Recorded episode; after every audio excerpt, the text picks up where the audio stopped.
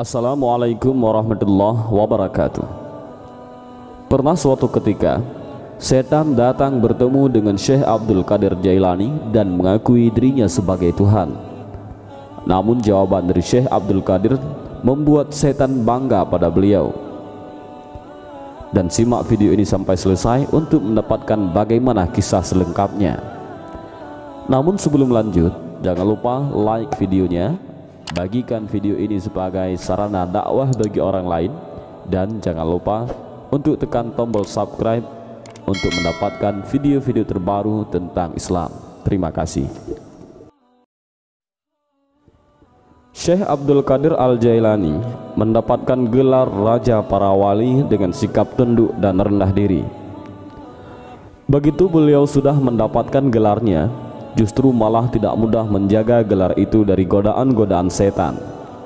Semakin tinggi kedudukan seseorang di hadapan Allah, ia harus siap menanggung ujian yang lebih berat lagi dari Tuhannya. Setan terus menggoda manusia dan para kekasih Allah hingga hari kiamat agar terjerumus ke dalam api neraka. Tak terkecuali Syekh Abdul Qadir Al-Jailani.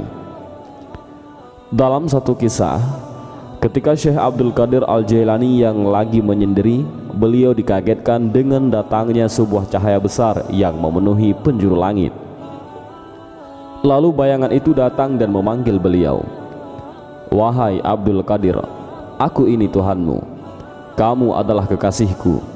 Aku akan meringankan syariat untukmu. Apa yang aku haramkan sebelumnya, sekarang aku halalkan untukmu.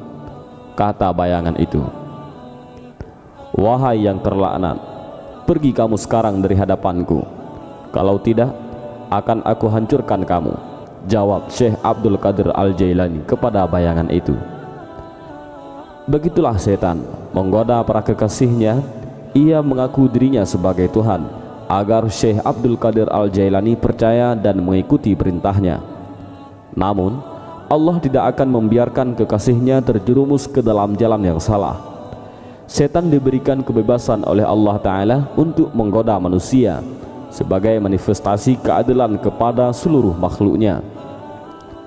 Sesaat setelah kejadian dialog tersebut tiba-tiba cahaya itu padam dan sedikit demi sedikit hilang dari pandangan Syekh Abdul Qadir Al-Jailani. Beliau terus menyendiri menikmati keindahan alam sebagai bukti kebesaran Allah. Namun tak lama kemudian bayangan yang tadi menghilang kembali memanggil Syekh Abdul Qadir Al-Jailani dalam wujud kabut dan ia berkata kamu selamat dari godaanku wahai Abdul Qadir karena dua alasan. Pertama karena ilmumu yang telah melekat dalam jiwamu. Engkau mampu membedakan mana yang hak dan mana yang batil. Kedua karena kondisi spiritualmu dan ibadahmu Allah membukakan hatimu dan membimbingmu menuju jalan yang benar. Tegas kabut tersebut.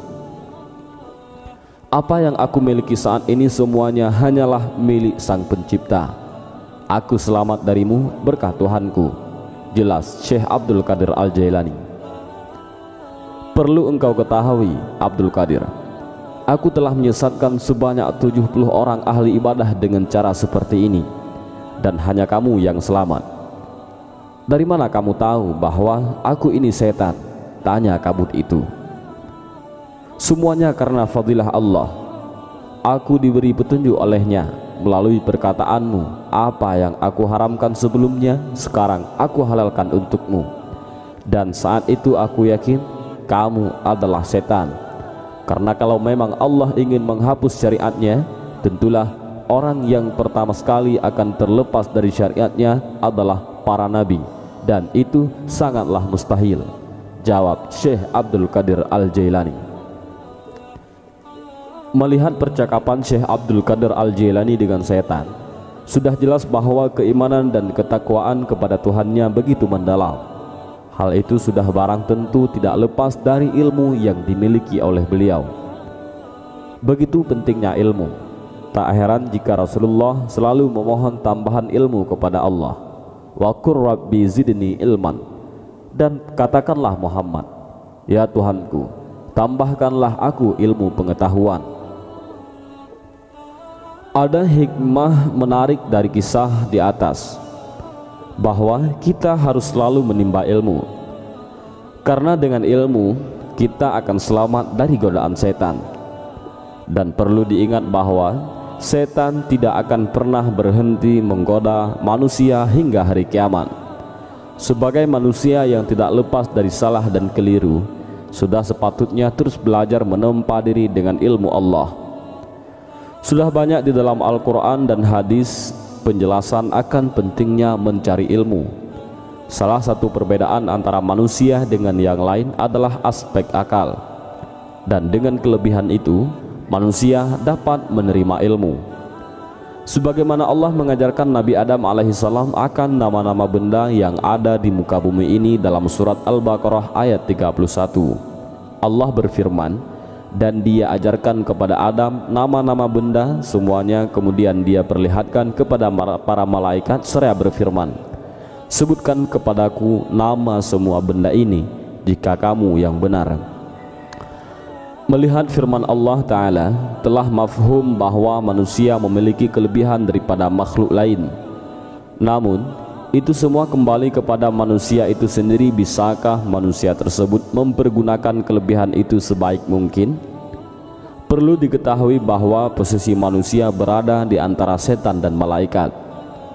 Jika manusia tidak mampu menguasai hawa nafsunya maka ia lebih buruk daripada setan sebaliknya jika manusia mampu menguasai hawa nafsunya dan mengikuti perintahnya maka derajatnya lebih tinggi daripada malaikat. Wallahu a'lam bissawab